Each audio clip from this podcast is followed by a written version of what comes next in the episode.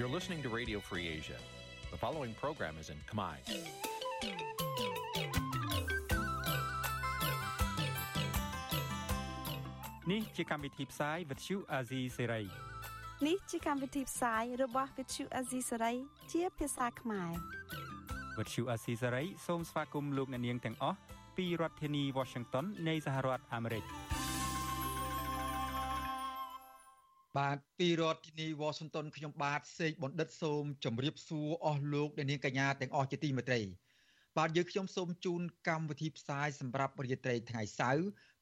15រោចខែភទ្របទឆ្នាំថោះបញ្ញស័កពុទ្ធសករាជ2567បាទត្រូវនៅថ្ងៃទី14ខែតុលាគ្រិស្តសករាជ2023បាទជាដំបូងនេះសូមអញ្ជើញអស់លោកអ្នកនាងស្ដាប់ព័ត៌មានប្រចាំថ្ងៃដែលមានមេតិការដូចតទៅ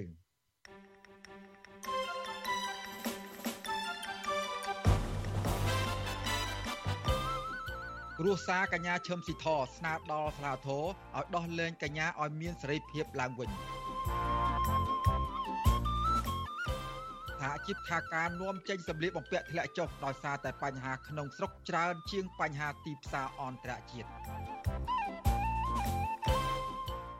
អ្នកជំនាញបារម្ភអំពីអសុទ្ធបុរាណចិនដែលគ្មានការវិយតម្លៃត្រឹមត្រូវអាចប៉ះពាល់ដល់សុខភាពពលរដ្ឋ អ្នកខ្លាំមើលថាលោកហ៊ុនម៉ាណែតបង្កើតគណៈកម្មការត្រួតពិនិត្យនិងវិយតម្លៃក្រមនីអុកញ៉ាមិនមែនដើម្បីលើកកម្ពស់គុណតម្លៃអុកញ៉ានោះទេរួមនឹងព័ត៌មានសំខាន់សំខាន់មួយចំនួនទៀតបាទជាបន្តទៅទៀតនេះខ្ញុំបាទសេកបណ្ឌិតសូមជូនព័ត៌មានពិស្ដាបាទលោកនាងកញ្ញាជាទីមេត្រី ក្រមគ្រួសារកញ្ញាឈឹមស៊ីធទទូចឲ្យតុលាការដោះលែងកញ្ញាឲ្យមានសេរីភាពឡើងវិញ បាទមន្ត្រីសហជីពថាសកម្មភាពដែលកញ្ញាឈឹមស៊ីធបានធ្វើកន្លងទៅ គឺជាការអនុវត្តសិទ្ធិសេរីភាពមិនមែនជាបទល្មើសនោះទេ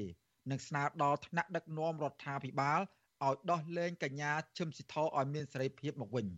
បាទសូមស្ដាប់សេចក្តីរាយការណ៍អំពីរឿងនេះរបស់លោកជាតិចំណានពីរដ្ឋធានី Washington ក្រុមគ្រួសារកញ្ញាឈឹមស៊ីធលើកឡើងថាពួកគាត់នឹងរលឹកដល់ប្រធានសហជីពក្រុមហ៊ុន Nagawal កញ្ញាឈឹមស៊ីធ ដែលកំពុងជាប់ឃុំនៅក្នុងពន្ធនាគារស្របពេលដែលពលរដ្ឋខ្មែរភៀសច្រើនកំពុងតែជួបជុំក្នុងគ្រួសារដើម្បីប្រារព្ធពិធីបុណ្យភ្ជុំបិណ្ឌប្អូនរបស់កញ្ញាឈឹមស៊ីធគឺលោកឈឹមប្រុសប្រាវិសុអស៊ីសេរីនៅថ្ងៃទី14ខែតុលាថាក្រុមគ្រួសារបានចូលទៅសួរសុខទុក្ខកញ្ញាឈឹមស៊ីធនៅពន្ធនាគារនៅពិធីបុណ្យភ្ជុំបិណ្ឌនេះលោកស្នើដល់សាលាអូតូដែលត្រៀមបើកសាវនាការនៅថ្ងៃទី19ខែតុលាខាងមុខនេះសម្រាប់ដោះលែងកញ្ញាឈឹមស៊ីធឲ្យមានសេរីភាពឡើងវិញ គឺការចង់ឲ្យបងស្រីខ្ញុំចេញមកដើម្បីជួបជុំគ្រួសារឡើងវិញហើយហើយសូមពីមដល់ក្រសួងការងារឃើញថាពិបត្តិហ្នឹងវាយូរឆ្នាំហើយអញ្ចឹងសង្ឃឹមថាមានដំណោះស្រាយដល់ក្រុមកោតកោណាក៏ឆាប់ឆាប់ស្លាវតតំបន់ប្រចាំនៅទីក្រុងភ្នំពេញបានកោះហៅមេធាវីនិងប្រធានសហជីព Nagawal កញ្ញាឈឹមស៊ីធដើម្បីបើកសវនាការសូមឲ្យនៅក្រៅឃុំបណ្ដោះអាសន្ននៅថ្ងៃទី19ខែតុលាខាងមុខនេះ ប្រធានសហព័ន្ធសហជីពកម្មករចំណីអាហារនិងសេវាកម្មអ្នកស្រីអូទេប៉ូលីនមានប្រសាសន៍ថាសកម្មភាពដែលកញ្ញាឈឹមស៊ីធបានធ្វើកន្លងទៅគឺជាការអនុវត្តសិទ្ធិសេរីភាពជាមូលដ្ឋានដែលស្ថិតក្រោមច្បាប់រដ្ឋធម្មនុញ្ញនិងកតិកាសញ្ញាអន្តរជាតិដទៃទៀតលោកស្រីស្នើដល់ប្រមុខរដ្ឋាភិបាលឲ្យបើកលំហសេរីភាពសហជីពនិងដោះលែងកញ្ញាឈឹមស៊ីធឲ្យមានសេរីភាពឡើងវិញជីវិតរបស់ពួកយើងអសល់ពេលប៉ុន្មានទេលើលោកនេះអញ្ចឹងគួរតែអ្នកដែលមានសម្រេចចិត្តទាំងឡាយហ្នឹងគួរតែសម្រេចចិត្តរឿងត្រឹមត្រូវឲ្យទៅជារឿងមិនត្រឹមត្រូវនេះ បើសិនជាដេកមិនលក់ទេអាចមានឱកាសនៅក្នុងការធ្វើរឿងឲ្យត្រឹមត្រូវនៅពេលសាវនាការតទៀតហ្នឹងកញ្ញាឈឹមស៊ីធត្រូវបានសមត្ថកិច្ចឃាត់ខ្លួនលើកទី1ទាំងកំរោលនៅពេលដែលកញ្ញាចុះពីលើរថយន្តដល់កន្លែងធ្វើកោតកម្មក្បែររដ្ឋសភាកាលពីដើមខែមករាឆ្នាំ2022និងត្រូវបានសមត្ថកិច្ចចាប់ខ្លួនជាលើកទី2កាលពីខែវិច្ឆិកាឆ្នាំ2022រួចបញ្ជូនទៅពន្ធនាគារព្រៃសរវិញ ក្រោយពីកញ្ញាវិលត្រឡប់ពីការចូលរួមប្រជុំនៅប្រទេសអូស្ត្រាលីក្រោមបទចោទល្មើសបំរាមពីការត្រួតពិនិត្យរបស់តុលាការក្រុមគ្រួសារនិងមន្ត្រីសហជីពចាត់ទុកថាការចាប់ខ្លួនកញ្ញាឈឹមស៊ីធនេះគឺមិនមែនជាការអនុវត្តច្បាប់នោះទេប៉ុន្តែជាការបំបាក់ស្មារតីកុំឲ្យក្រុមគឧតកោ Nagawal បន្តតវ៉ាទាមទារដំណោះស្រាយវិវាទការងារជាមួយនឹងក្រុមហ៊ុន Nagawal ដែលមានទំនាក់ទំនងស្និទ្ធជាមួយក្រុមគ្រួសារលោកនាយករដ្ឋមន្ត្រីហ៊ុនម៉ាណែតពួកគាត់ទទូចឲ្យសាឡាអូតូដោះលែងកញ្ញាឈឹមស៊ីធឲ្យមានសេរីភាពឡើងវិញ ខ្ញុំបាទចិត្តចំណាន Visual Assisray ប្រធានាទី Washington បាទលោកនាងកញ្ញាជាទីមេត្រីលោកនាងកំពុងតាមដានស្ដាប់ការផ្សាយរបស់វិទ្យុអសីសេរីពីរដ្ឋធានីវ៉ាស៊ីនតោនសហរដ្ឋអាមេរិកឥឡូវនេះយើងក៏លេចមកមើលការប្រារព្ធពិធីបុណ្យភ្ជុំបិណ្ឌនិងកាន់បិណ្ឌរបស់ពលរដ្ឋខ្មែរវិញម្ដង បាទនៅថ្ងៃបុណ្យកាន់បិណ្ឌនិងភ្ជុំបិណ្ឌនេះមានពលរដ្ឋក្រីក្រមួយចំនួន ទៅកាន់ទីវត្តអារាម ដើម្បីបានទទួលទានអាហារសល់ពីព្រះសង្ឃ និងខ្ចប់អាហារទាំងនោះត្រឡប់មកផ្ទះវិញគណៈពលរដ្ឋក្រីក្រមួយចំនួនទៀតបានទៅយាមស្បែកជើងឲ្យគេនៅតាមវត្តអារាមដើម្បីបានប្រាក់កម្រៃខ្លះៗសម្រាប់ចិញ្ចឹមជីវិតបាទអ្នកវិភាគថាគម្លាតរវាងអ្នកមាននិងអ្នកក្រក្នុងសង្គមកម្ពុជាកាន់តែខ្លាំងដែលទាមទារឲ្យរដ្ឋាភិបាលគួរតែឆាប់ដោះស្រាយបញ្ហាអយុត្តិធម៌សង្គមឡើងវិញបាទសូមស្ដាប់សេចក្តីរាយការណ៍របស់លោកយ៉ងច័ន្ទរាអំពីរឿងនេះពីរដ្ឋធានី Washington រដូវកាលបុណ្យភ្ជុំបិណ្ឌប្រជាប្រដ្ឋក្មេងចាស់ប្រុសស្រីធ្វើដំណើរទៅកាន់ទីវត្តអារាមនានាដើម្បីធ្វើបុណ្យកុសលជូនដល់បុព្វការីជន ដែលបានចែកឋានតាមទំនៀមទម្លាប់ប្រពៃណីខ្មែរដូចគ្នាទៅនឹងវត្តដទៃទៀតដែរវត្តមហាមន្ត្រីនៅក្នុងរាជធានីភ្នំពេញមានពុទ្ធបរិស័ទចូលមកអត់ដាច់ដោយមានការចានស្រាក់ទៀនធូបនិងគ្រឿងផ្សេងផ្សេងសម្រាប់ប្រគេនដល់ព្រះសង្ឃក្រៅពីនេះក៏មានប្រជាពលរដ្ឋខ្លះដើរលក់ផ្កាឈូក ហើយពលរដ្ឋខ្លះទៀតមានជនពិការផងឈរចាំយាមស្បែកជើង ក្បែរសាលាឆាន់ដើម្បីបានកម្រៃតាមគេឲ្យនិងរងចាំទទួលអាហារក្រោយព្រះសង្ឃឆាន់រួចប្រជាពលរដ្ឋម្នាក់មកពីខេត្តស្វាយរៀងលោកស្រីកាចន្ទារៀបរាប់ថា លោកស្រីមកស្នាក់នៅក្នុងទីក្រុងភ្នំពេញអស់រយៈពេល15ថ្ងៃនៃបុណ្យភ្ជុំបិណ្ឌដើម្បីមកយាមស្បែកជើងហើយលោកស្រីទទួលបានកម្រៃប្រមាណពី3ទៅ4ម៉ឺនរៀលក្នុងមួយព្រឹកមុនពេលដែលលោកស្រីបន្តលក់ពងទាកូនបន្តនៅពេលថ្ងៃលោកស្រីកាចន្ទាឲ្យដឹងទៀតថាលោកស្រីមកយាមស្បែកជើងនិងចាំបរិភោគបាយនៅវត្តនេះអស់រយៈពេល4ឆ្នាំមកហើយដោយសារតែជីវភាពលំបាក លោកស្រីថាមូលហេតុដែលលោកស្រីទន្ទឹងរង់ចាំដល់រដូវបុណ្យនេះព្រោះក្នុងថ្ងៃបុណ្យភ្ជុំបិណ្ឌលោកស្រីបានបរិភោគអាហារគ្រប់មុខនិងមានជីវជាតិពីព្រោះម្ហូបអាហារប្រចាំថ្ងៃរបស់លោកស្រីពុំមានបន្លែត្រីសាច់គ្រប់គ្រាន់នោះទេលោកស្រីកាត់ចិនដាឲ្យដឹងទៀតថាក្រៅពីបរិភោគខ្លួនឯងហើយលោកស្រីវិញម្ហូបអាហារនោះទៅឲ្យកូនកូនដែលកំពុងរងចាំនៅផ្ទះផងដែរ។ យើងអត់ទៅចេះតស៊ូអញ្ចឹងដូចថាយើងបែកជើងហងថ្ងៃតិចចប់ប៉ុនអញ្ចឹងទៅលក់ប្រមាន់ទៀតអញ្ចឹងណាដើររហូតតែមួយដើរតាមផ្ទះហៅគេជួយទិញរហូតហ្នឹង20000អត់ទៀងទេបើបើបានសៅរ៍អាទិត្យអីចឹង30000អញ្ចឹងណាវាគួរសមតិចវាដូចថាថ្ងៃគេសម្រាកអញ្ចឹងណាគេរៀងមកវត្តច្រើនអញ្ចឹងទៅបានបាយបានហូបអីហូបអញ្ចឹងណាយកឲ្យកូនចំណែកនៅក្បែរចិន្តាសាលាឆានម្ខាងទៀតគឺលោកស្រីអៀបម៉ៅដែលជាជនពិការជើងនិងគោពីកំណើត ក៏ប៉ុន្តែអាចនិយាយបានបន្តិចបន្តួចនោះលោកស្រីប្រាប់ថាលោកស្រីមិនមានគ្រួសារជាទីពឹងនោះទេ ហើយរដូវកាលបុណ្យភ្ជុំបិណ្ឌនេះគឺជាពេលដែលរីករាយបំផុតសម្រាប់លោកស្រីលោកស្រីអៀបម៉ៅនិយាយបណ្ដាលនឹងធ្វើកាយវិការបណ្ដាលថាក្នុងរដូវបុណ្យភ្ជុំនេះលោកស្រីអាចយាមស្បែកជើង ដែលបានពី20000ទៅ30000រៀលប៉ុណ្ណោះសម្រាប់សន្សំទុកនៅថ្ងៃក្រោយទៀតហើយលោកស្រីក៏អាចបរិភោគអាហារគ្រប់មុខនៅវត្តផងដែរ។ ដោយសារកត្តាជីវភាពលំបាកលោកស្រីអៀបម៉ៅរំពឹងថារដ្ឋាភិបាលនឹងជួយដល់លោកស្រីនិងអ្នកក្រីក្រលំបាកផ្សេងទៀតឲ្យមានទីជម្រក អាហារនិងសម្លៀកបំពាក់សមរម្យដោយប្រជាពលរដ្ឋផ្សេងទៀតដែរក្រោយពេលប្រសង់ឆាន់រួចរាល់ពុទ្ធបរិស័ទប្រុសស្រីក្មេងចាស់និងជនពិការផងនោះបានយកអាហារទាំងនោះមកបរិភោគ លោកស្រីកាចិន្តានិងលោកស្រីអៀបម៉ៅអង្គុយបរិភោគអាហារជុំគ្នាជាមួយក្រុមអ្នកយាមស្បែកជើងទាំងអស់ដែលមានគ្នាប្រមាណជាង30នាក់ហើយក្រោយបរិភោគចប់ពួកគាត់យកអាហារទាំងនោះត្រឡប់ទៅផ្ទះថែមទៀតព្រះសង្ឃគង់នៅវត្តមហាមន្ត្រីព្រះដេចប្រគុណហ៊ឿនច័ន្ទមករាមានថេរដីកាថារដូវកាលភ្ជុំបិណ្ឌគឺជារដូវកាលមួយដែលសម្បូរសប្បាយហើយពុទ្ធបរិស័ទបាននាំគ្នាមកប្រគេនចង្ហាន់ព្រះសង្ឃដើម្បីឧទ្ទិសជូនដល់បុព្វការីជនរបស់ខ្លួន។ ប្រដេចប្រគុណហ៊ឿនចាន់មករាមានធរៈដីកាបន្តថាក្នុងរដូវកាលនេះមានសេសសល់អាហារជាច្រើនក្រោយពេលប្រសង់ឆាន់រួចរាល់ក៏ប៉ុន្តែអាហារដ៏ច្រើននោះគឺសម្រាប់ពុទ្ធបរិស័ទបានបរិភោគជុំគ្នាផងដែរព្រះអង្គមានធរៈដីកាបន្តទៀតថាក្នុងចំណោមពុទ្ធបរិស័ទដែលមកវត្តទាំងនោះមានជនក្រីក្រ ជនពិការក្មេងចាស់មួយចំនួនរងចាំឱកាសនេះដើម្បីបានបរិភោគអាហារឆ្ងាញ់ៗនឹងគេ ព្រះដេចប្រគុណហ៊ឿនច័ន្ទមករាមានធរៈដីកាបន្តទៀតថាពលរដ្ឋដែលមានការខ្វះខាតពួកគាត់អាចវិខ្ចប់អាហារទាំងនេះសម្រាប់គ្រួសារថែមទៀតផងរបស់ខ្លះវាសាមញ្ញសម្រាប់យើងក៏ប៉ុន្តែវាខ្លាចទៅជារបស់មិនសាមញ្ញឬក៏ជារបស់វិសេសសម្រាប់ជនដទៃឧទាហរណ៍អាហារយើងសប្តាហ៍ថ្ងៃជាមរកធម្មតាយើងមានមួយមុខពីរមុខជាងទៅក៏ប៉ុន្តែអ្នកដែលក្រីក្រគ្នាគ្មានសំបីតែមួយមុខពេលខ្លះទៅសំបីតែទិញបាយប្រអប់បាយគេចាំតែគេលក់តាមផ្លូវហ្នឹងក៏ក៏មានលទ្ធភាពដែរ តកតងទៅនឹងបញ្ហាខ្វះខាតអាហារនិងភាពក្រីក្ររបស់ប្រជាពលរដ្ឋនេះវិទ្យុអាស៊ីសេរីមិនអាចសុំការឆ្លើយតបរឿងនេះពីរដ្ឋមន្ត្រីក្រសួងសង្គមគិច្ចអតីតយុទ្ធជន និងយុវនីតិសម្បទាលោកជាសមេធីនិងអ្នកនាំពាក្យក្រសួងសង្គមគិច្ចលោកអែមច័ន្ទមករាបាននៅឡើយទេ នៅថ្ងៃទី14តុលាអ្នកវិភាគនិងជានាយកប្រតិបត្តិវិទ្យាស្ថានប្រជាធិបតេយ្យកម្ពុជា លោកប៉ាច័ន្ទរឿនលើកឡើងថាទុរគតជន ឬជនក្រីក្រដែលមកវត្ត ដើម្បីបរិភោគឬស្វែងរកកម្រៃតាមរយៈការយាមស្បែកជើងឬក៏សុំទានតាមវត្តនេះពុំមែនជារឿងថ្មីនោះទេនិងហាក់មានចំនួនច្រើនជាងមុនទៀតស្របពេលមានវិបត្តិសេដ្ឋកិច្ចបែបនេះលោកប៉ាចិនរឿនបន្ថែមថាកម្ពុជានៅពេលនេះមានជនក្រីក្រកាន់តែច្រើនហើយអ្នកមានលុយមកពីការរកស៊ីមិនស្របច្បាប់កើនឡើង គឺជាគម្លាតសង្គមនិងជាជំងឺសង្គមដែលទាមទារឲ្យរដ្ឋាភិបាលចេញមុខដោះស្រាយ លោកបន្ថែមថារដ្ឋាភិបាល គួរតែអនុវត្តគោលនយោបាយដែលធ្លាប់អះអាងកន្លងមក ដែលថានឹងមិនអោយពលរដ្ឋណាម្នាក់អត់ឃ្លានស្លាប់ឲ្យបាននោះផងដែរជាពិបាកគឺយើងឃើញថាស្រុកយើងនោះវាមានអ្នកមាននឹងមានពុកកបពកបាទពេលដែលយើងឃើញមន្ត្រីជាន់ខ្ពស់មួយចំនួនពេលដែលគាត់រៀបចំពិធីការពិធីបុណ្យពិធីខួបកំណើតបញ្ញាគាត់ហ្នឹងសឹងតែគឺហាហឹកហាក់ជាងការរៀបចំអភិស័យរបស់ស្ដេចអង់គ្លេសទៅទៀត ក្រោយពិធីបុណ្យភ្ជុំបិណ្ឌឆ្នាំនេះបានបញ្ចប់ទៅក្រមប្រជាពលរដ្ឋដែលក្រីក្រទាំងនោះឲ្យដឹងថាពួកគាត់ត្រូវរងចាំរយៈពេល1ឆ្នាំទៀតដើម្បីយាមស្បែកជើង និងបានបរិភោគអាហារឆ្ងាញ់ឆ្ងាញ់នៅវត្តជាថ្មីម្ដងទៀតខ្ញុំយ៉ងច័ន្ទដារាវិទ្យុអាស៊ីសេរី Washington បាទលោកនាងកញ្ញាជាទីមេត្រីតកតងនឹងការប្រារព្ធពិធីបុណ្យភ្ជុំបិណ្ឌដដែលនេះយើងសូមអញ្ជើញអស់លោកនាងទៅតាមដាន ទស្សនាសង្កេតមើលទស្សនវិជ្ជាការប្រារព្ធពិធីបុណ្យភ្ជុំបិណ្ឌនៅឯខេត្តកំពង់ឆ្នាំងឯនោះវិញបាទវត្តមួយចំនួននៅក្នុងខេត្តកំពង់ឆ្នាំងពុំសូវមានពុទ្ធបរិស័ទមកធ្វើបុណ្យទាននោះទេ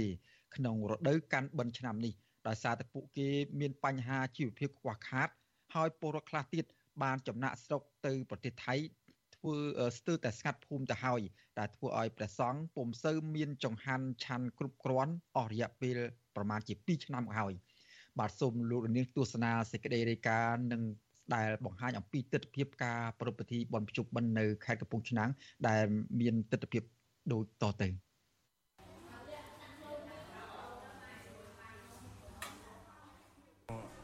ការឧបត្ថម្ភប្រសង់គឺវេនវាដាច់មែនតែ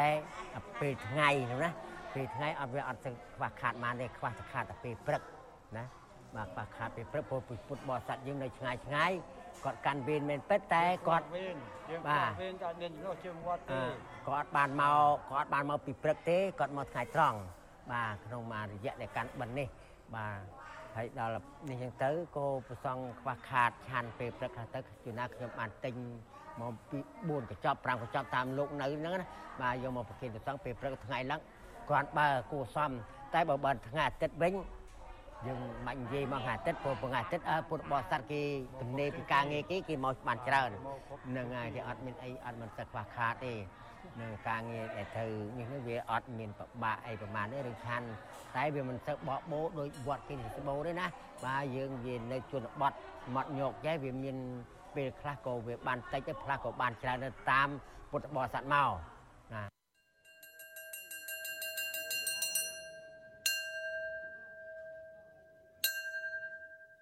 ពុទ្ធបរិស័ទតិចតួចដែលគាត់មកចូលខ្វះខាតចឹងជាផលលំបាកទី1គឺសម្រាប់គ្រប់គ្រងដល់ប្រសង់ បាទប្រសង់ដែលគុំនៅទីនេះគឺមានចំនួន13អង្គទីមួយគឺខ្វះខាតបច្ច័យដែលបំរិតបំរុងប្រសង់ដែលគង់ចាំព្រះភាសាផងបាទខ្វះខាតក្នុងប្រសង់ដែលគង់ចាំព្រះភាសាផងរហូតដល់គឺចំហានអីក៏ចឹងទៅគឺយើងការខ្វះខាតដោយសារដាច់វេទបិណ្ឌអញ្ចឹងណាបាទដាច់វេទបិណ្ឌអញ្ចឹងចាច់ដាច់វេទបិណ្ឌចាប់ពីថ្ងៃ12រហូតដល់ថ្ងៃ14ហ្នឹងណាបាទថ្ងៃ14រួចហ្នឹង បាទអញ្ចឹងព្រោះពុទ្ធបរិស័ទមានការឧបត្ថម្ភដែរភាសាតិចតួចជួយច្រើនអញ្ចឹងណាបាទវាមិនគ្រប់ចំនួនក្នុងការឧបត្ថម្ភដល់ប្រសង់ណាដល់ពីពុទ្ធបរិស័ទយើងមានការខ្វះខាតអីចឹងខ្លះទៅទៀតណាព្រោះហ្នឹងសាច់ក្តី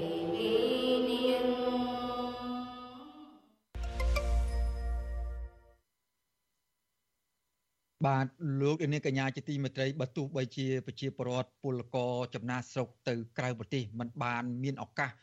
មកជួបជុំក្រុមគ្រួសារធ្វើពិធីបុណ្យទាននៅតាមស្រុកកំណើតតាមវត្តអារាមនៅក្នុងតាមបណ្ដាខេត្តស្រុកកំណើតរបស់ខ្លួនយ៉ាងណាក៏ដោយចុះក៏ពួកគាត់មិនភ្លេចនៅប្រពពិធីទំនៀមទម្លាប់បុណ្យទានតាមប្រពៃណីពុទ្ធសាសនាដែលបន្សល់ទុកតាំងពីដូនតាមកនោះទេបាទ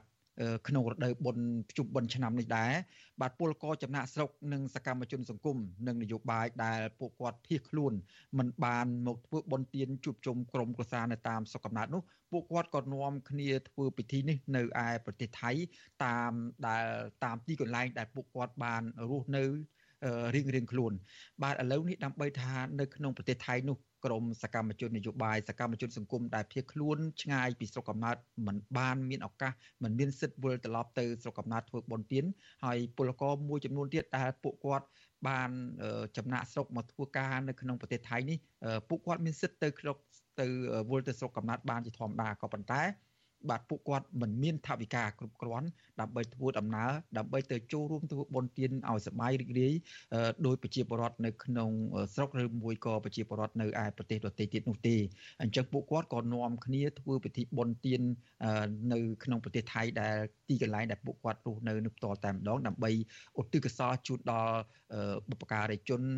មានជីដូនជីតាដែលបានធ្វើមរណកាលទៅបាទដើម្បីដឹងថាទស្សនវិជ្ជា ដែលពួកគាត់ចូលរួមរៃអង្គាសលុយបច្ច័យគ្នាតិចតួចដើម្បីចូលរួមធ្វើពិធីបុណ្យទៅតាមប្រពៃណីទំនៀមទម្លាប់ក្នុងពិធីបុណ្យប្រជុំបិណ្ឌឆ្នាំនេះនោះប្រព្រឹត្តទៅយ៉ាងដូចម្ដេចខ្ញុំបាទបានអញ្ជើញលោកលឹងសុផុនដែលជាមន្ត្រីរបស់អង្គការសង្ត្រាល់ប្រចាំនៅប្រទេសថៃដើម្បីឲ្យលោក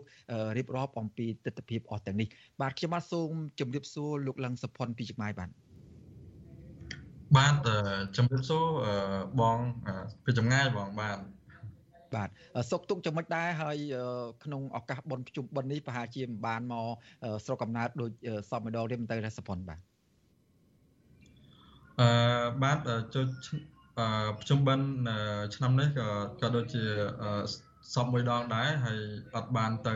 ស្រុកខ្មែរទេដោយសារតែយើងធ្វើការនៅថៃហើយនៅមួយការធ្វើដំណើរឆ្លងដែននេះក៏មានការលំបាកអញ្ចឹងណាបាទបាទ អឺលំបាកនឹងលំបាកយ៉ាងម៉េចដែរសូមអាចរៀបរាប់ដោយសង្ខេបខ្លីបន្តិចបានទេបាទកន្លងមកដែលខ្ញុំបានឆ្លងដែនទៅហើយសូមច្បាប់ពីខាងប្រទេសថៃទៅគេឲ្យតា2ថ្ងៃឬ3ថ្ងៃអញ្ចឹងយើងទៅធ្វើបនហ្នឹងហាក់ដូចជាតក់ប្រហល់ហើយណាមួយទៀតការចំណាយថ្លៃឡានថ្លៃយើងវាយរៀនត្រីវីសាហ្នឹងណា បើយើងអត់បានវាយរៀនត្រីទេមានន័យថាយើងអស់សុពលភាពខូចវីសាយើងធ្វើការនៅស្រុកថៃអឺភាគច្រើនដែលយើងចេញទៅហើយមានការចំណាយវាយរៀនត្រីផងហើយនឹងចំណាយថ្លៃឡានផងអីផងអញ្ចឹងមើលទៅឃើញថាអស់លុយច្រើនជាងការនៅធ្វើបន់នៅថៃបាទពីព្រោះហើយយើងក៏អាចធ្វើបន់នៅថៃកន្លែងខ្លះបានដែរ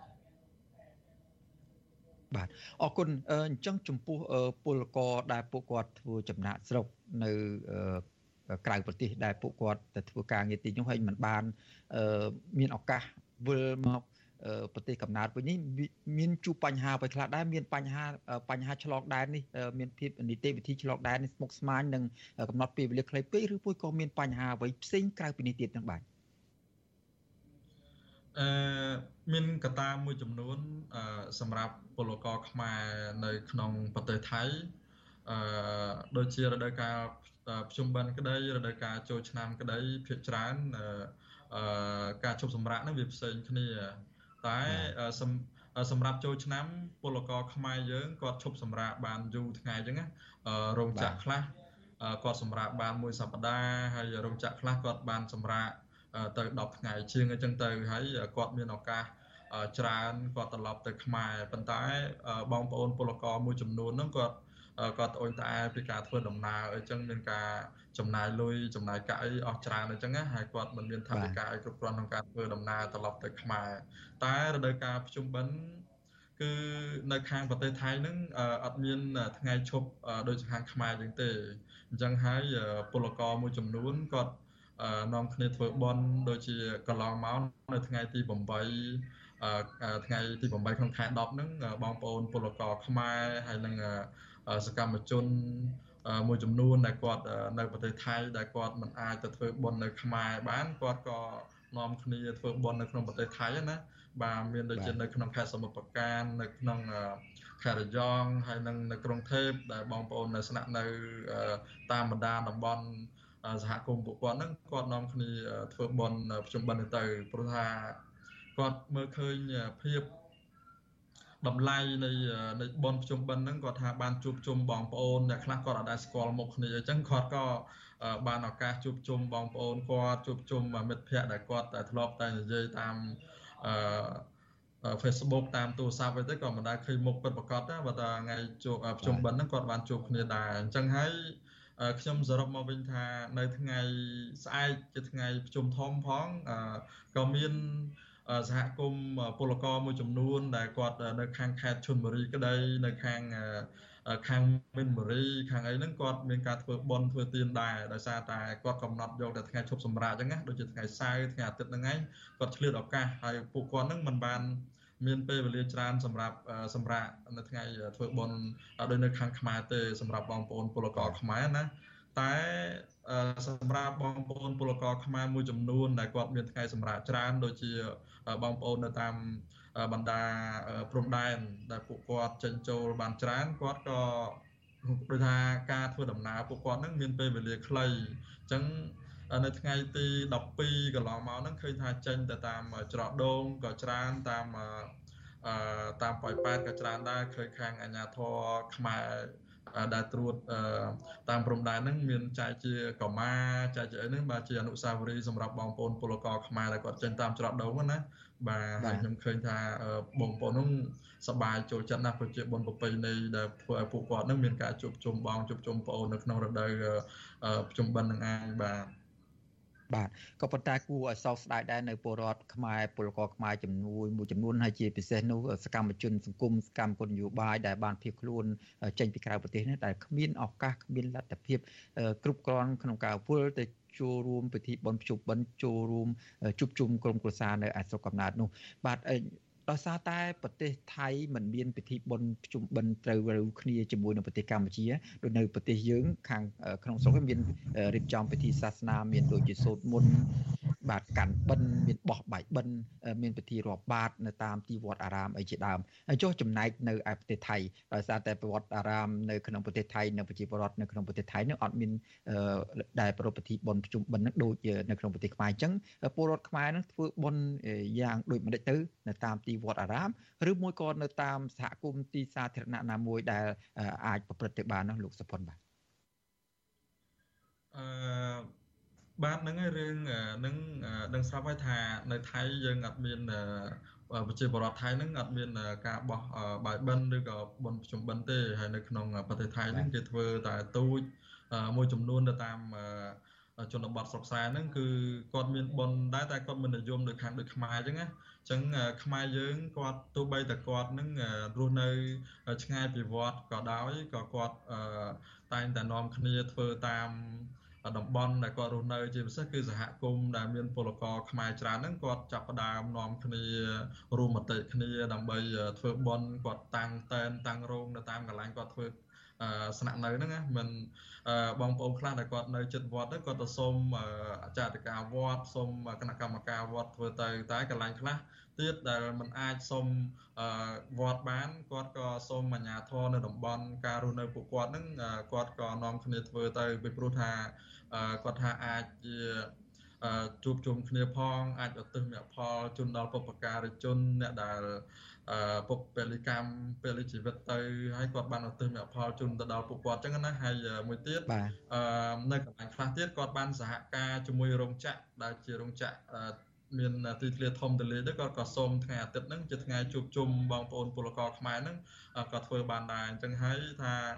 បងប្អូនមួយចំនួនច្រើនគាត់អត់បានទៅវត្តទេប៉ុន្តែគាត់និមន្តលោកមកធ្វើបុណ្យនៅកន្លែងសហគមន៍គាត់រស់នៅអញ្ចឹងដែរបាទបាទហើយមានពិធីពិធីនេះដែលមានអាចនិមន្តព្រះសង្ឃមកមកជាអធិបតីនៅក្នុងពិធីមួយមួយដែរទេឬមួយក៏ធ្វើតែគ្នាឯងឧបដឹកសន្និមត់តែគ្នាឯងអញ្ចឹងទៅឬមួយក៏មិនដែរសុផុនបាទ យើងធ្វើបនភ្ជុំបិណ្ឌនេះយើងតែងតែនិមន្តព្រះសង្ឃហើយយើងក៏ចង់បានព្រះសង្ឃជាជនជាតិខ្មែរជាព្រះអង្គខ្មែរមកដើម្បីចូលរួមអញ្ចឹងតែកន្លែងខ្លះយើងនិមន្តអត់បានទៅដោយសារតែរដូវកាលបនភ្ជុំបិណ្ឌនេះជារដូវកាលក្នុងភាសាផងអញ្ចឹងពិបាកនិមន្តលោកអញ្ចឹងយើងនិមន្តលោក ជាជនជាតិថៃប្រសង់ថៃដែលមកចូលរួមអញ្ចឹងយើងតែងតែព្យាយាមដើម្បីកុំឲ្យខុសថាយើងធ្វើបុណ្យអត់មានលោកសង្ឃឲ្យចូលអញ្ចឹងអញ្ចឹងយើងតែងតែនិមន្តលោកមកដើម្បីជាកិច្ចឧទ្ទិសមគ្គផលបាទជាកិច្ចទៅមេផលជូនដល់បុព្វការីជនអញ្ចឹងហើយយើងតែងតែស្វែងរកប្រសង់ដូចកន្លងមកហ្នឹងខ្ញុំតែងតែនិមន្តលោកពីចម្ងាយពីចម្ងាយដូចជានៅខាង ខេត្តឆ្ងាយឆ្ងាយអញ្ចឹងដែលលោកគង់នៅសាកលវិទ្យាល័យចលមហាចលាលង្កនហ្នឹងក៏ស្គាល់តាមខ្សែរយៈហ្នឹងទៅអាចនិមន្តលោកមកបានខ្លះទៅហើយកន្លែងខ្លះទៀតយើងមិនអាចនិមន្តលោកបានទេក៏និមន្តតែប្រសង់អង្គថៃហ្នឹងដែលមកចូលរួមទៅអញ្ចឹងហើយយើងនិមន្តតាមលទ្ធភាពយើងអញ្ចឹងយើងមិនអាចនិមន្តថាបានច្រើន4ដល់20អង្គបានទេកន្លែងខ្លះទៅយើងនិមន្តបាន3អង្គ2អង្គ1អង្គអញ្ចឹងមកមកដើម្បីជកិច្ច អឺឧទ្ទិសមគ្គផលជនពុបការីជនអញ្ចឹងដែរបាទបាទអរគុណឥឡូវនេះទោះយ៉ាងណាទោះជាពួកគាត់មិនបានវិលត្រឡប់មកស្រុកកំណើតធ្វើបុណ្យជុំគ្នាក៏ដោយចុះក៏ឧបឧបកិច្ចថានឹងបានធ្វើឧទ្ទិសកុសលដូចគ្នានឹងពលរដ្ឋខ្មែរដែលធ្វើបុណ្យទាននៅក្នុងស្រុកកំណើតដែរទៅចុះក៏ប៉ុន្តែក៏ក៏គួរឲ្យអនុចារក្រមពលករខ្មែរមួយក្រមធំផ្សេងជាច្រើនរយអ្នកនោះដែលកំពុងជាប់ឃុំខ្លួន ដោយសមត្ថកិច្ចអថៃជាប់ខ្លួនជាប់ចាប់ឃុំខ្លួននោះពួកគាត់ពុំមានលទ្ធភាពមកធ្វើបន់ធ្វើទានដូចពលរដ្ឋពលករចំណាក់ស្រុកដទៃទៀតទេចង់ដឹងដែរមកទល់នឹងពេលនេះពលកររាប់រយនាក់មានខ្មែរផងមានភូមិផងដែលអាជ្ញាធរថៃចាប់ខ្លួនដោយសំអាងថាពុំមានឯកសារធ្វើការងារគ្រប់គ្រាន់ណាមកទល់នឹងពេលនេះមានដំណោះស្រាយឬមួយក៏ស្ថានភាពពួកគាត់នឹងយ៉ាងម៉េចដែរសុផុនបាទ អឺសម្រាប់បងប្អូនពលករខ្មែរយើងដែលគាត់អឺនឹងបានថាត្រឡប់ទៅ ខ្មែរដើម្បីទៅធ្វើបុណ្យជួបជុំបងប្អូនតែជាអកុសល នៅថ្ងៃទី12ខែតុលាកន្លងមកហ្នឹងដោយសារអាជ្ញាធរថៃចាប់ អញ្ចឹងកន្លែងហ្នឹងបងប្អូនពលករខ្មែរយើងច្រើនណាស់បាទច្រើនមែនទែនហើយរហូតទៅដល់ជាង4 500នាក់នោះតែយើងរួមទាំងពលករភូមាផងពលករវៀតណាមផងដែលធ្វើការនៅទីហ្នឹងនៅក្នុងខេត្តអយុធ្យាហ្នឹងជាង1000នាក់បាទនៅថ្ងៃទី12កន្លងមកហ្នឹងមានការចាប់អញ្ចឹងទៅហើយ តាមតាខ្ញុំបានតំណែងតំណងទៅបងប្អូនខ្មែរយើងហើយនឹងក្រុមបណ្ដាញដែលខ្ញុំបានចងក្រងនៅខាងហ្នឹងគាត់ថាគាត់ចាប់នឹងដោយ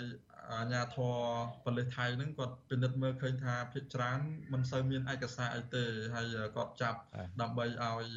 ខាងថកែហ្នឹងមកធានារ៉ាប់រង ដើម្បីឲ្យពួកគាត់ហ្នឹងធ្វើឯកសារតាមច្បាប់ការងារថៃអញ្ចឹងដែរ តែផ្ទុយទៅវិញមកនៅថ្ងៃទី13អឺខែដុល្លារហ្នឹងខាងស្ថាប័នពាក់ព័ន្ធជាពិសេសគឺស្ថានទូតខ្មែរយើងក៏បានចុះទៅអន្តរាគមជួយដល់បងប្អូនពលករដែរហើយគាត់ក៏បាន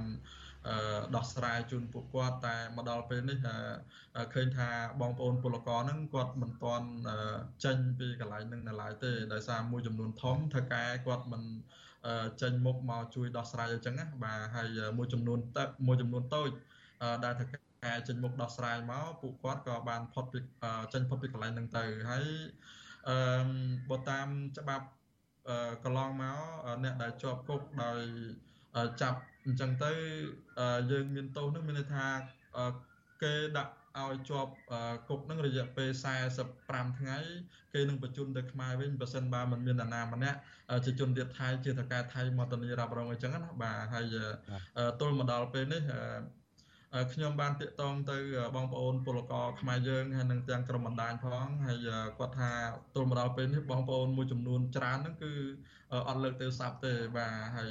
បងប្អូនមួយចំនួនហ្នឹងគាត់ក៏មិនហ៊ានចេញមុខចេញអីមកនិយាយដែរដោយសារខ្លាចអាជ្ញាធរហ្នឹង អឺដាក់ទោសធ្ងន់ឡើងអីចឹងណាបាទអញ្ចឹងហើយឃើញថាគូឲ្យអភ័ព្វដល់បងប្អូនពលករខ្មែរយើងណាស់បាទបាទចុះចំពោះមន្ត្រីស្ថានទូតខ្មែរប្រចាំនៅទីក្រុងបាងកកមកដល់ពេលនេះពួកគាត់មានចេញកិច្ចអន្តរាគមន៍ឬមួយក៏មានចំណាត់ការយ៉ាងម៉េចទេចំពោះពលករខ្មែររាប់រយនាក់នៅដែលត្រូវបានអាជ្ញាធរថៃចាប់ខ្លួននៅក្នុងខេត្តអយុធ្យានោះបាទនៅថ្ងៃទី 13កន្លងមកហ្នឹងពួកខាងស្ថានទូតហ្នឹងក៏ចោះជួយដែរតែការដំណោះស្រាយពួកគាត់ហ្នឹងនៅមិនទាន់មានផលជាវិជ្ជមានអីទេសម្រាប់បងប្អូនពលករខ្មែរនៅទីហ្នឹងណាបាទហើយកន្លងមកនៅពេលដែលស្ថានទូតទៅដល់ហើយក៏មានការរបៀបដូចជាសួរថា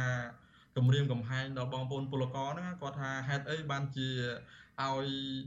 ខាងអាស៊ីសេរីនឹងដឹងរឿងរ៉ាវហេតុអីបានជាឲ្យអង្គការនឹងចេញសារព័ត៌មានអីចឹងក៏សួររកអ្នកណាដែលជាអ្នកផ្ដល់ព័ត៌មានជូនជូនខាងនឹងហើយខ្ញុំគិតថាវាជារឿងដែលបងប្អូនស្វែងរកដំណោះស្រាយវាមិនមែនជារឿងដែលខ្មែរនិងខ្មែរបំបីបំបាក់គ្នាទេដែលខ្ញុំគិតណាហើយបងប្អូនពលករចេះតែខ្លាចឲ្យតែមានបញ្ហាអីខាងអាជ្ញាធរទៅនឹងគឺមានការគម្រាមកំហែងសួរតែ ហេតុអីបានជាផ្ដល់ព័ត៌មានឲ្យទៅខាងអញ្ចឹងណាបាទហើយក្នុងការដោះស្រាយទៀតសោតទល់មកដល់ពេលនេះខ្ញុំមិនទាន់ឃើញផលជីវិតជំនាញនៅឡើយទេសម្រាប់បងប្អូនពលករដែលសារទាក់ទងទៅពួកគាត់នៅក្នុងគុកនៅឡើយហ្នឹងបាទបាទបាទអរគុណច្រើននឹងឲ្យគួរឲ្យសោកស្ដាយចំពោះរឿងនេះដែរដែលពួកគាត់មានទុកហើយមិនមានអាជ្ញាធរមន្ត្រីរដ្ឋាភិបាលជួយពួកគាត់ឲ្យបានរួចខ្លួនពីការឃុំខ្លួនបែរទៅជា មានការដាក់បន្ទុកដាក់សម្ពាធទៅលើគាត់ក្នុងការ ដែលហាមប្រាមមិនឲ្យពួកគាត់ទៅបិទទ្វារមិនឲ្យពួកគាត់បង្ហាញព័ត៌មានពិតទៅដល់សារព័ត៌មានមជ្ឈដ្ឋានខាងក្រៅផ្សេងៗទៀតនោះបាទបាទអរគុណលោកសុផុនដែលបានរៀបរាប់យ៉ាងក្បោះក្បាយអំពីពិធីបុណ្យភ្ជុំបិណ្ឌនៅក្នុងប្រទេសថៃនិងពលករខ្មែរដែលត្រូវអាជ្ញាធរចាប់ខ្លួននេះហើយយើងនឹងបន្តតាមដាន ស្ថានភាពនេះបន្តទៀតតើនឹងមានវិវត្តយ៉ាងម៉េចទៅថ្ងៃខាងមុខទៀតនោះហើយខ្ញុំបាទនឹងព្យាយាមតាក់ទងទៅលោកសុផុតដើម្បីផ្ដល់បទសម្ភាសន៍និងដើម្បីធ្វើបច្ចុប្បន្នភាពអំពីសវត្ថភាពរបស់ពលករខ្មែរដែលកំពុងជាប់ឃុំខ្លួននៅក្នុងប្រទេសថៃនោះជាបន្តទៀតបាទសម្រាប់ពេលនេះខ្ញុំបាទសូមអរគុណនិងជម្រាបលាលោកលឹងសុផុនតែប៉ុណ្្នេះសិនបាទបាទសូមជម្រាបលា បាទលោកនាងកញ្ញាជាទីមេត្រីលោកនាងកំពុងតាមដានស្ដាប់ការផ្សាយរបស់វិទ្យុអស៊ីសេរីពីរដ្ឋធានីវ៉ាស៊ីនតោនសហរដ្ឋអាមេរិកបាទឥឡូវនេះយើងងាកចេញពីពលករខ្មែរនិងមន្ត្រីសង្គមស៊ីវិលមន្ត្រីនយោបាយដែលភៀសខ្លួននៅក្នុងប្រទេសថៃធ្វើពិធីបុណ្យភ្ជុំបិណ្ឌនោះយើងត្រឡប់មកមើលស្ថានភាពរោងចក្រកាត់ដេរនៅក្នុងប្រទេសកម្ពុជានាពេលនេះវិញម្ដងបាទមន្ត្រីសហជីព ជំរុញឲ្យរដ្ឋាភិបាលបើកលំហសិទ្ធិសេរីភាពនិងស្ដារលទ្ធិប្រជាធិបតេយ្យឡើងវិញដើម្បីទទួលបានការយកចិត្តទុកដាក់ពីអ្នកវិនិយោគទុនធំធំមកពីប្រទេសលោកសេរីបាទពួកគាត់អះអាងថាបញ្ហាបាត់បង់ EBA នឹងការមិនបន្តប្រព័ន្ធអាគ្រោះពន្ធ GSP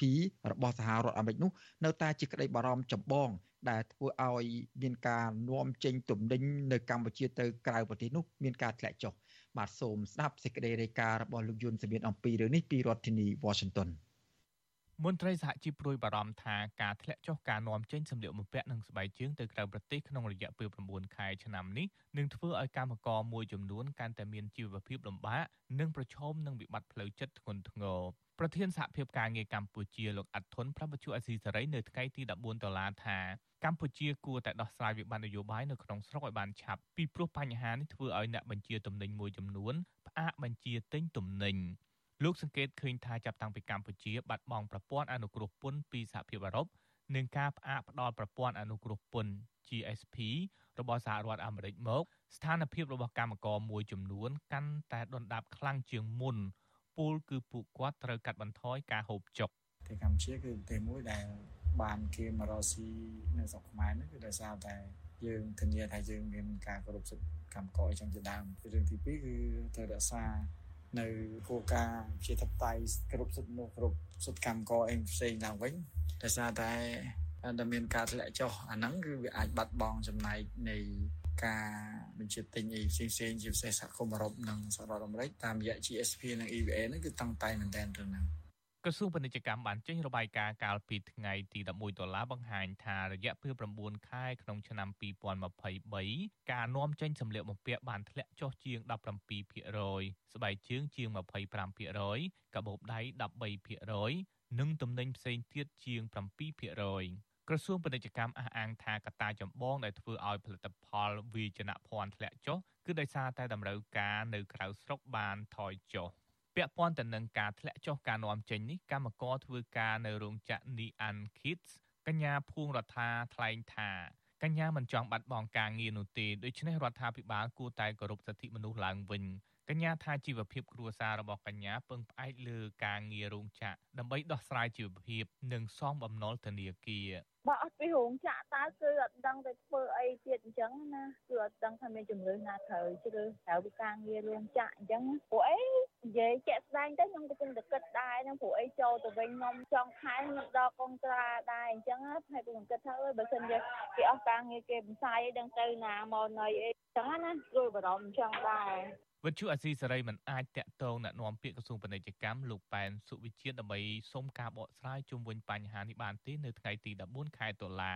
ពាក់ព័ន្ធទៅនឹងរឿងនេះដែរអ្នកវិភាគកិច្ចការសង្គមនិងនយោបាយលោកប៉ៅមករាមានប្រសាសន៍ថាកត្តាចម្បងដែលធ្វើឲ្យទំនិញសម្លៀកបំពាក់ធ្លាក់ចុះគឺដោយសារតែកម្ពុជាខ្លួនឯងមិនបើកលំហសិទ្ធិសេរីភាព និងការធ្វើទុកបុកម្នេញទៅលើសកម្មជននយោបាយជាដើមលោកបន្តថារដ្ឋាភិបាលថ្មីគួរតែបង្កបរិយាកាសនយោបាយនៅកម្ពុជាឲ្យមានភាពប្រសើរឡើងវិញដើម្បីទាក់ទាញអ្នកវិនិយោគទុនធំធំ និងជួយលើកកម្ពស់ជីវភាពកម្មករ ខ្ញុំចង់ឲ្យរដ្ឋាភិបាលគាត់គិតគូរពាក់ព័ន្ធទៅនឹងការពង្រឹងច្បាប់ដើម្បីឲ្យពង្រឹងទៅលើជនអន្តោប្រវេសន៍បរទេសមួយចំនួនដែលចូលក្នុងប្រទេសអីហ្នឹងគឺត្រូវរឹតបន្តឹងឲ្យមែនតែនដើម្បីកុំឲ្យពួកជនខលខូចមួយចំនួនដែលដែលយកខ្លួនឯងថាជាអ្នកវិនិយោគប៉ុន្តែមកធ្វើស៊ីខុសច្បាប់មករំលោភបំពានសិទ្ធិមនុស្សនៅលើកម្ពុជាហ្នឹងហើយមួយទៀតរដ្ឋាភិបាលគួរតែធូរបន្ថយនីតិវិធីណាមួយក្នុងការជជែកវែកញែកពាក់ព័ន្ធទៅនឹងសិទ្ធិមនុស្សអ្នកទស្សនយោបាយមួយចំនួនដែលគាត់មានបញ្ហា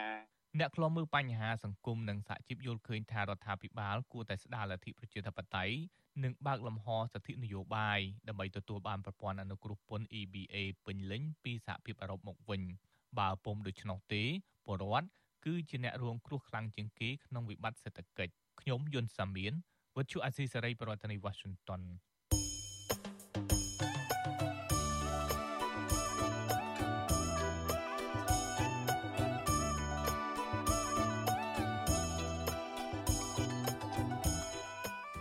លោកនាងកញ្ញាជាទីមេត្រីកម្មវិធីផ្សាយរបស់វិទ្យុអសីស្រីផ្សាយដំណើរគ្នាតាមរយៈរលកធាតុអាកាសខ្លី shortwave ដែលមានកម្រិតនិងកម្ពស់ទៅតទៅនេះបាទពេលព្រឹកចាប់ពីម៉ោង5កន្លះដល់ម៉ោង6កន្លះតាមរយៈប៉ុស SW 12.14 MHz ស្មើនឹងកម្ពស់ 25m និងប៉ុស SW 13.71 MHz ស្មើនឹងកម្ពស់ 22m បាទនៅពេលយប់ចាប់ពីម៉ោង7កន្លះដល់ម៉ោង8កន្លះតាមរយៈប៉ុស SW 9.33 MHz ស្មើនឹងកម្ពស់ 32m ប៉ុស SW 11.88 MHz ស្មើនឹងកម្ពស់ 25m និងប៉ុស SW 12.15 MHz ស្មើនឹងកម្ពស់ 25m បាទសូមអរគុណ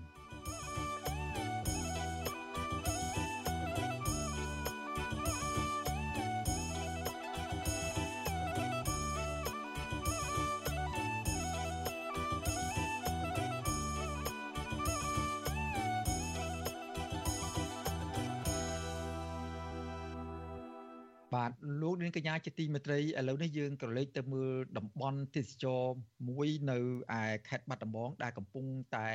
មានប្រជាប្រិយភាពសម្រាប់ប្រជាពលរដ្ឋដែលទៅសម្រាប់កំសាន្តនៅចុងសប្តាហ៍ហើយជាពិសេសនៅក្នុងឱកាសពិធីបុណ្យភ្ជុំបិណ្ឌនេះតែម្ដង បាទអាងភៀសដែលធ្លាប់តែជាវាលស្រែល្វឹងល្វើយនិងមិនសូវមានអ្នកស្គាល់ហើយពេលនេះបានប្រែក្លាយទៅជាមានសភាពអ៊ូអរមានប្រជាពលរដ្ឋ ទៅលេងកំសាន្តជារៀងរាល់ថ្ងៃហើយជាពិសេសពួកគាត់បានទៅសម្រាកលំហែកាយនៅចុងសប្តាហ៍និងនៅក្នុងឱកាសបុណ្យភ្ជុំបិណ្ឌនេះតែម្ដង ដែលបង្កើតឲ្យបានជាមុខរបរមួយសម្រាប់ប្រជាពលរដ្ឋនៅទីនោះ បាទសូមស្ដាប់សេចក្តីរាយការណ៍របស់លោកថាថៃអំពីរឿងនេះពីប្រទេសអូស្ត្រាលីបន្ទាប់ពីសាងសង់ផ្លូវលំក្រាលគ្រូក្រហមមួយខ្សែនៅតាមបណ្ដោយខ្នងអាងនិងកសាងទ្វារទឹកជាច្រើនកន្លែង ពេលនេះអាងភៀសស្ថិតនៅស្រុកឯកភ្នំដែលមានចម្ងាយប្រមាណ20គីឡូម៉ែត្រពីក្រុងបាត់ដំបងនិងមិនស្ងប់ស្ងាត់ឯកោដោយពេលមុននោះទេដោយមានភ្ញៀវក្នុងស្រុកមកជិះទូកលេងកំសាន្តនៅរដូវទឹកឡើងសម្លេងម៉ាស៊ីនទូកលាន់លឺពេញផ្ទៃទឹកអាងភាពអ៊ូអរនៅលើផ្ទៃទឹកនេះបាននាំមកនៅមុខរបរដល់អ្នកភូមិមួយចំនួនដែលសុទ្ធសឹងជាអ្នកនេសាទរកខ្យងនិងធ្វើស្រែចម្ការអង្គុយលើក្បាលទូកស្មាច់តូចតូចអូសដោយម៉ាស៊ីនសាំង អ្នកបើកបរទូកដឹកភ្ញៀវគឺយុវជនថនប៊ុនឋានអាយុប្រហែល15ឆ្នាំឲ្យដឹងថារូបគេបើកទូកដឹកភ្ញៀវជិត1ខែមកហើយពលគឺចាប់តាំងពីពេលដែលទឹកឡើងលិចចូលទំនប់អាងភៀសគឺតែងតែមានពលរដ្ឋមកពីតំបន់ផ្សេងផ្សេងមកលេងជាហូរហែយុវជនរូបនេះបន្តថារបរនេះផ្ដល់កម្រៃសមរម្យដោយក្នុងមួយថ្ងៃរូបគេអាចរកបានចន្លោះពី50000ទៅ70000រៀលតែច្រើនជាងថាយើងជិះដើរលេងគេថតរូបថតអីចឹង ហ្វែតាមនេះលេងផ្លេនផ្លេនបើថាគេជិះឆ្ងាយអ្នក5000គេយកថ្លៃតិចសាំងឡើងថ្លៃសម្រាប់ដឹកភ្ញៀវទេសចរជិះលេងកំសាន្តទៅមើលទេសភាពនៅកណ្ដាលផ្ទៃបឹងដោយក្នុងមួយលើកមានរយៈពេលប្រហែល20នាទីនិងយកថ្លៃក្នុងមនុស្សម្នាក់3000រៀលទោះជាយ៉ាងណាសេវាដឹកភ្ញៀវកំសាន្តក្នុងអាងនេះគឺជាមុខរបរតាមរដូវដោយភ្ញៀវមកលេងតែក្នុងរដូវទឹកឡើងប៉ុណ្ណោះដែលធ្វើឲ្យយុវជនអ្នកបើកទូកខ្លះមានក្តីស្រមៃចង់ឲ្យតំបន់អាងភៀស មានអ្នកមកលេងកំសាន្តទាំងរដូវប្រាំងនិងរដូវវស្សាយុវជនបើកទូកដឹកភ្ញៀវទេសចរម្នាក់ទៀតឈ្មោះធីវិរៈឲ្យដឹងថារបរនេះផ្ដល់ការកំសាន្តប្លែកអារម្មណ៍ដល់ពលរដ្ឋផងនិងទទួលបានកម្រៃផងយុវជនរូបនេះលើកឡើងថាបើពឹងផ្អែកលើរបរនេសាទរកខ្យងនិងធ្វើស្រែនោះមិនអាចធ្វើឲ្យប្រជាពលរដ្ឋនៅអាងភៀសមានជីវភាពល្អប្រសើរឡើយយុវជនធីវិរៈស្នើឲ្យអាជ្ញាធរអភិវឌ្ឍតំបន់អាងភៀសបន្ថែមទៀតដើ ម្បីទាក់ទាញភ្ញៀវជាតិនិងអន្តរជាតិមកលេងកម្សាន្តនិងបង្កើតមុខរបរដល់អ្នកភូមិតាមដល់ថ្ងៃមកខណៈទៅ20000 30000ទៅណាបងធម្មតាទៅទៅ10000នឹងទៅខណៈគេលេងច្រើនទៅ50000ចុងទៅណាភ្ញៀវដែលមកជិះទូកលេងកំសាន្តនៅតំបន់អាងភៀសយុវជនវ៉ាន់ចម្រុងរៀបរាប់ថាតំបន់អាងភៀសនេះមានទេសភាពវាលស្រែស្អាតខ្យល់អាកាសល្អជាងរមណីយដ្ឋានធម្មជាតិមួយចំនួន ជាពិសេសចំណាយថ្លៃសេវាកម្មតិច និងមិនចាំបាច់ទិញសម្បត្តិបរិយាកាស ស្រស់ស្រាយទោះជាយ៉ាងណាលបឿនដែលអ្នកបើកទូកជូនភ្ញៀវកំសាន្តនៅលើផ្ទៃអាងនោះលឿនមិនចាញ់ម៉ូតូប្រណាំងនោះទេដោយទូកខ្លះលឿនរហូតបាតទូកទាំងមូលស្ទើរហោះផុតពីទឹក ហើយនៅសល់តែដងស្លាបចាក់ប៉ុណ្ណោះទន្ទឹមគ្នានេះអ្នកជិះភៀកច្រើនមិនមានអាវពោងសម្រាប់ការពារខ្លួនឡើយប៉ុន្តែក្រុមអ្នកបើកទូកអះអាងថាពួកគេនឹងចងក្រងគ្នាជាសហគមន៍ដើម្បីដោះស្រាយបញ្ហានេះក្រៅពីដឹកភ្ញៀវតាមទូកជិះកំសាន្តពលរដ្ឋនៅតំបន់អាងភៀស ក្នុងឃុំពីមឯកនេះក៏មានលក់ត្រី ក្តាមខ្យងធម្មជាតិស្រស់ស្រស់ដែលអ្នកភូមិរកបាននឹងម្ហូបអាហារបង្អែមភេសជ្ជៈឲ្យអ្នកទៅកំសាន្តផងដែរអ្នកលក់តកកឈូសនិងចំណីនៅជាប់មាត់អាងកញ្ញាហ៊ួនច័ន្ទរ័ត្ននិយាយដោយទឹកមុខញញឹមថាក្នុងមួយថ្ងៃកញ្ញាអាចលក់ចំណេញប្រាក់បានពី50000ទៅ60000រៀលក៏ប៉ុន្តែកញ្ញាប្រាប់ថាចំនួនភ្ញៀវដែលមកលេងនៅទ្វារទំនប់ទឹកអាងភៀសនេះ ហាក់ធ្លាក់ចុះជាងមុនបន្តិចដោយសារកាលពីដើមខែតុលាមានករណីក្មេងស្រីម្នាក់លង់ទឹកស្លាប់ដែលបណ្ដាលឲ្យភ្ញៀវមួយចំនួនមានការភ័យខ្លាចនិងមិនហ៊ានមកម្ដងទៀតលោកបានទេទេបងព្រោះតាំងពីមនុស្សស្លាប់អស់នេះស្លាប់នេះគ្រាន់ជាងរាល់ថ្ងៃវិទ្យុអាស៊ីសេរីមិនអាចតាក់ទងអភិបាលស្រុកលោកមិលសុផលនិងប្រធានមន្ត្រីទេសចរខេត្តបាត់ដំបងលោកអ៊ុចអ៊ុំភីនីសារ៉ាដើម្បីសុំការបកស្រាយបន្ថែមបានទេនៅថ្ងៃទី14តុលា អាងភៀសបានសាងសង់ឡើងក្នុងរបបខ្មែរក្រហមក្នុងអំឡុងឆ្នាំ1977មានផ្ទៃដីជាង1000ហិកតានិងជាប់ស្រុកចំនួន2គឺស្រុកថ្មគោនិងស្រុកឯកភ្នំបច្ចុប្បន្នមានប្រជាពលរដ្ឋរស់នៅសរុបចំនួនជិត300គ្រួសារកាលពីជាង10ឆ្នាំមុនតំបន់នេះគឺជាវាលស្រែដាច់សង្វែងដែលពលរដ្ឋនៅក្នុងភូមិមកធ្វើស្រែប្រដេញទឹកដោយធ្វើដំណើរឆ្លងកាត់ផ្លូវក្នុងព្រៃដែលបានជិះត្រឹមតែម៉ូតូឬកង់ប៉ុណ្ណោះ លុះក្រោយមកដោយសារមានប្រជាពលរដ្ឋមករស់នៅលើខ្នងអាងកាន់តែច្រើនអាជ្ញាធរបានកសាងផ្លូវលំនិងទ្វារទឹកនៅតាមខ្នងអាងជាបន្តបន្ទាប់អ្នកសម្របសម្រួលនៃអង្គការលីកាដូប្រចាំខេត្តបាត់ដំបងលោកអិនគង្ជិតយល់ឃើញថាប្រជាពលរដ្ឋដែលរស់នៅតំបន់អាងភៀសភ ieck ច្រើនមានជីវភាពទន់ខ្សោយដែលពឹងផ្អែកលើរបរកសិកម្មនិងនេសាទជាគោលលោកស្នើឲ្យអាជ្ញាធររៀបចំសម្ដាប់ធ្នាប់ស្ដារបរិស្ថាននិងបង្កើតជាសហគមន៍នៅតំបន់អាងភៀស ឲ្យคล้ายជាតំបន់ទេសចរដែលមានសក្តានុពលដើម្បីលើកស្ទួយជីវភាពពលរដ្ឋដែលរស់នៅតំបន់នោះ ចំពោះអ្នកប្រើប្រាស់ទូកណូតហ្នឹងក៏ត្រូវគ្រប់គ្រងឲ្យមានបញ្ជីឈ្មោះច្បាស់លាស់ហើយត្រូវតែឲ្យគាត់អ្នកបើកបរឲ្យមានជំនាញប៉ិនប្រសពកុំឲ្យបើកបរលឿនហើយរៀបចំលំដាប់នៃការចេញកុំឲ្យមានការច្បុកច្បល់ហើយក្រៅពីនេះម្ចាស់ទូកណូតនីមួយៗត្រូវមានអាវពោង បំពាក់ដល់ប្រជាពលរដ្ឋបងប្អូនដែលគាត់ទៅលេងកម្សាន្តនៅទីហ្នឹងដើម្បីបង្ការកុំឲ្យមានគ្រោះថ្នាក់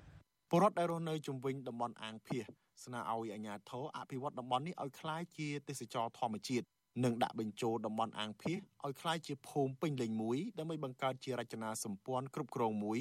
ដែលធានាបាននូវសន្តិភាពនិងសុខសុវត្ថិភាពដល់ប្រជាពលរដ្ឋខ្ញុំថាថៃពីទីក្រុងមែលប៊ន បាទលោកនាងកញ្ញាជាទីមេត្រីឥឡូវនេះយើងក៏លេចទៅមើលប្រជាពលរដ្ឋនិស្សិតនិស្សិតនៅឯប្រទេសអ៊ីស្រាអែលនៅវិញបាទពលរដ្ឋនិងនិស្សិតខ្មែរមួយចំនួនដែលកំពុងរស់នៅប្រទេសអ៊ីស្រាអែលបានទៅដល់ទីកន្លែងមានសវត្ថភាពបន្ទាប់ពីរដ្ឋាភិបាលអ៊ីស្រាអែលជំលះពួកគេចេញពីតំបន់ក្រហមប៉ុន្តែស្ថានភាពខាងមុខនឹងវិវត្តទៅបែបណានោះពួកគាត់មិនទាន់ដឹងច្បាស់លាស់នៅឡើយទេបាទសូមស្ដាប់សេចក្តីរាយការណ៍អំពីរឿងនេះរបស់អ្នកស្រីម៉ៅសុធានីពីរដ្ឋធានី Washington និស្សិតខ្មែរដែលកំពុងហាត់ការនិងបន្តការសិក្សានៅប្រទេសអ៊ីស្រាអែលចំនួន452នាក់ត្រូវបានអាជ្ញាធរអ៊ីស្រាអែល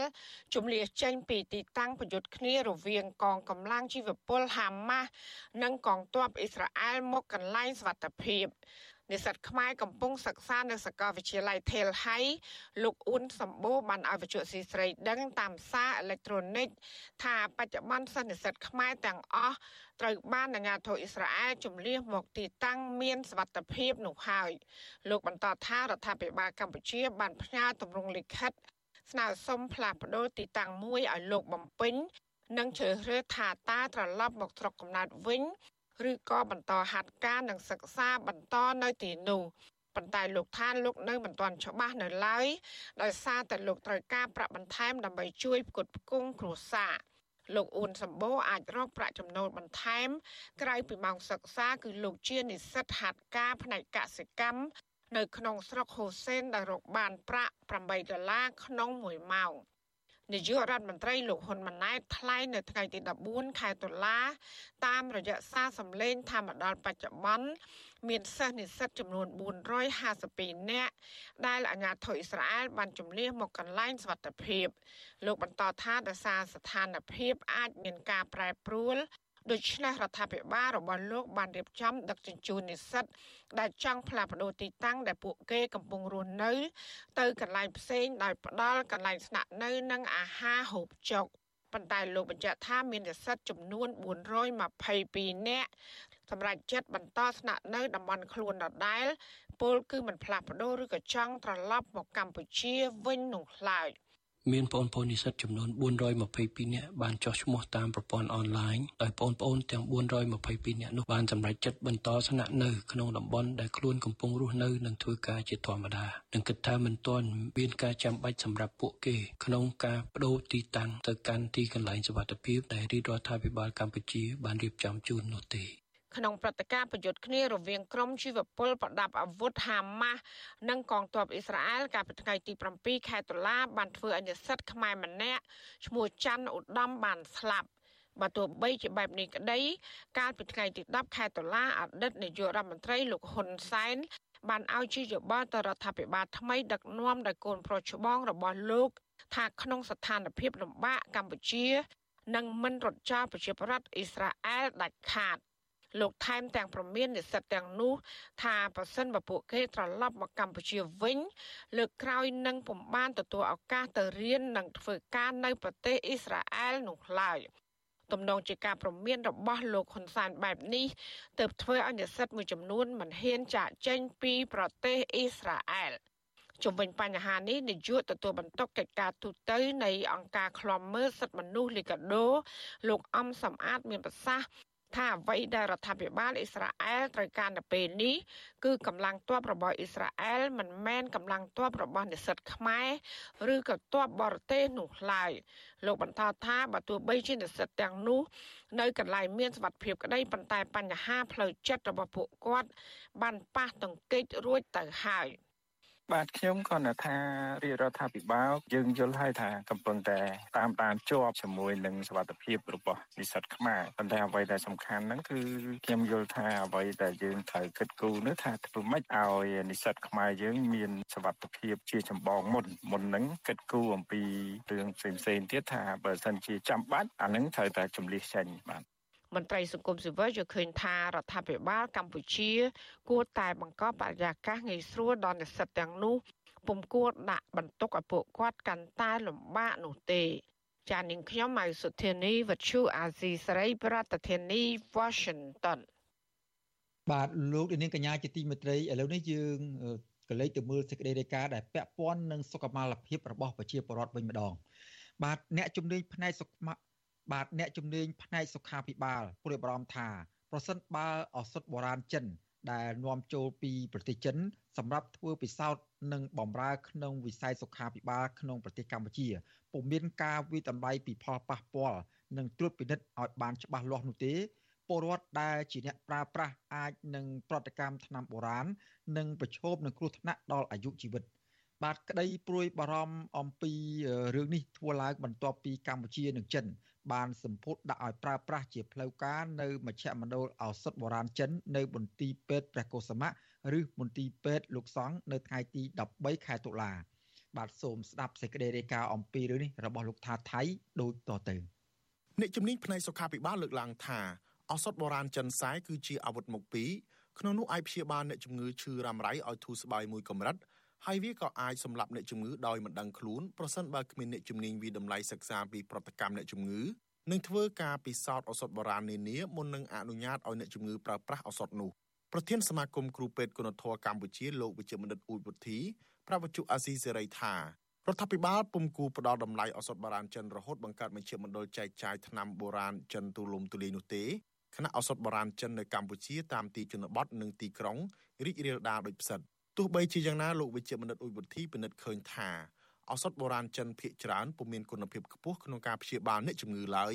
ហើយប្រភេទឱសថបុរាណចិនខ្លះទៀតដូចជាវល្លិនិងប្រភេទស្លឹកថ្នាំរុក្ខជាតិនានាដែលនាំចូលពីប្រទេសចិន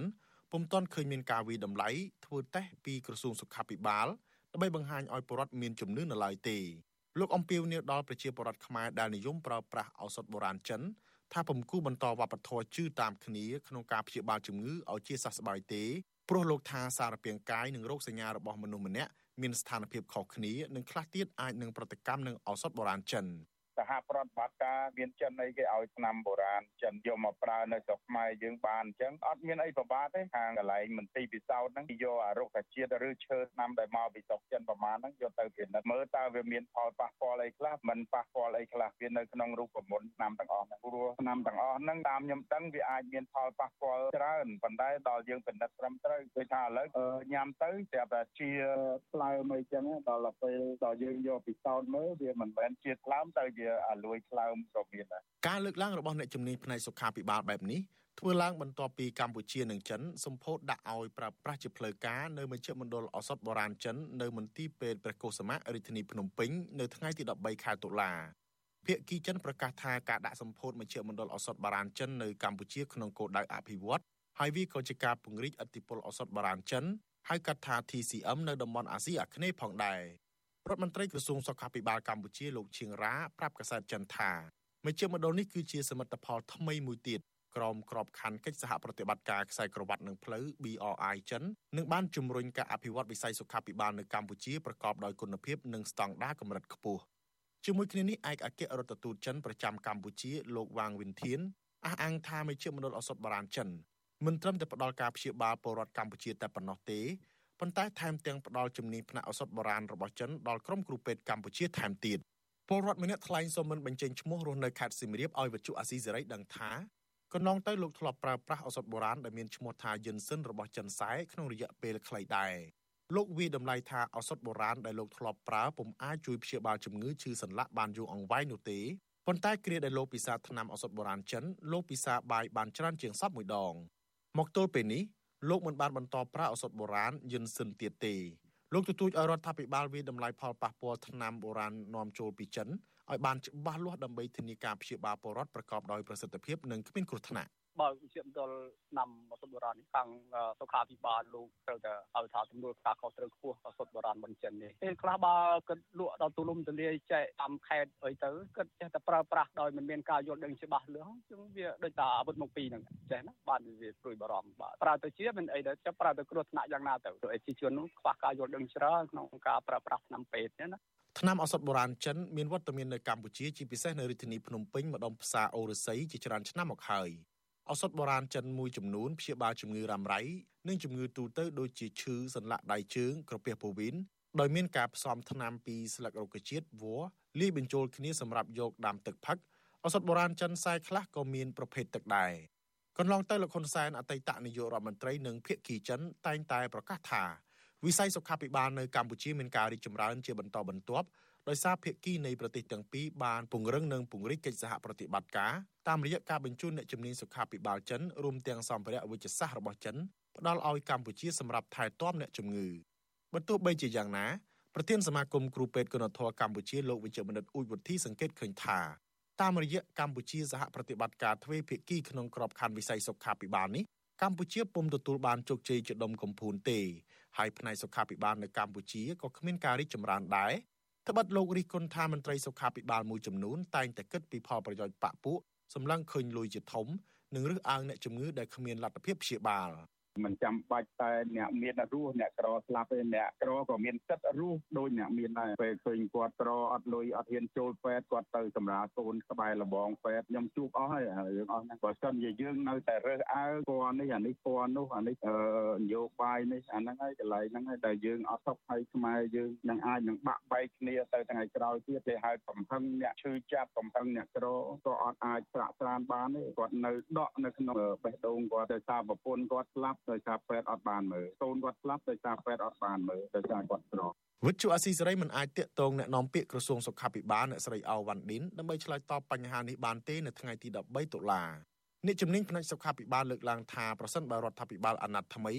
គ្មានការបោះសម្អាតមន្ត្រីដែលប្រព្រឹត្តអំពើប្រក្រលួយនិងពង្រឹងវិជ្ជាជីវៈមន្ត្រីសុខាភិបាលនោះទេទោះរដ្ឋាភិបាលខិតខំពង្រឹងកិច្ចសហប្រតិបត្តិការក្នុងការអភិវឌ្ឍវិស័យសុខាភិបាលជាមួយប្រទេសចិន និងបណ្ដាប្រទេសជុំវិញពិភពលោកក្តីក៏ពលរដ្ឋខ្មែរក្រីក្រគ្មានលទ្ធភាពព្យាបាលជំងឺពួកគាត់នឹងនៅតែបន្តរងទុក្ខវេទនានិងគ្មានជំនឿលើប្រព័ន្ធសុខាភិបាលកម្ពុជាដែលធានាព្យាបាលពួកគាត់ឲ្យទទួលបានភាពកក់ក្ដៅឡើយខ្ញុំថាថៃពីទីក្រុងមែលប៊នកម្មវិធី VTV អេស៊ីស្រីសម្រាប់ទូរស័ព្ទដៃអាចឲ្យលោកអ្នកនាង អានអត្ថបទទស្សនាវីដេអូនិងស្ដាប់ការផ្សាយផ្ទាល់ដោយឥតគិតថ្លៃ និងដោយគ្មានការរំខាន។ដើម្បីអាននិងទស្សនាមេតិការថ្មីថ្មីពី Vithu Azisari លោកអ្នកនាងគ្រាន់តែចុចបាល់កម្មវិធីរបស់ Vithu Azisari ដែលបានដំឡើងរួចរាល់លើទូរស័ព្ទដៃរបស់លោកអ្នកនាងប្រសិនបើលោកអ្នកនាងចង់ស្ដាប់ការផ្សាយផ្ទាល់ឬការផ្សាយចាស់ចាស់សូមចុចលើប៊ូតុងរូប Vithu ដែលស្ថិតនៅផ្នែកខាងក្រោមនៃកម្មវិធីជាការស្រេច។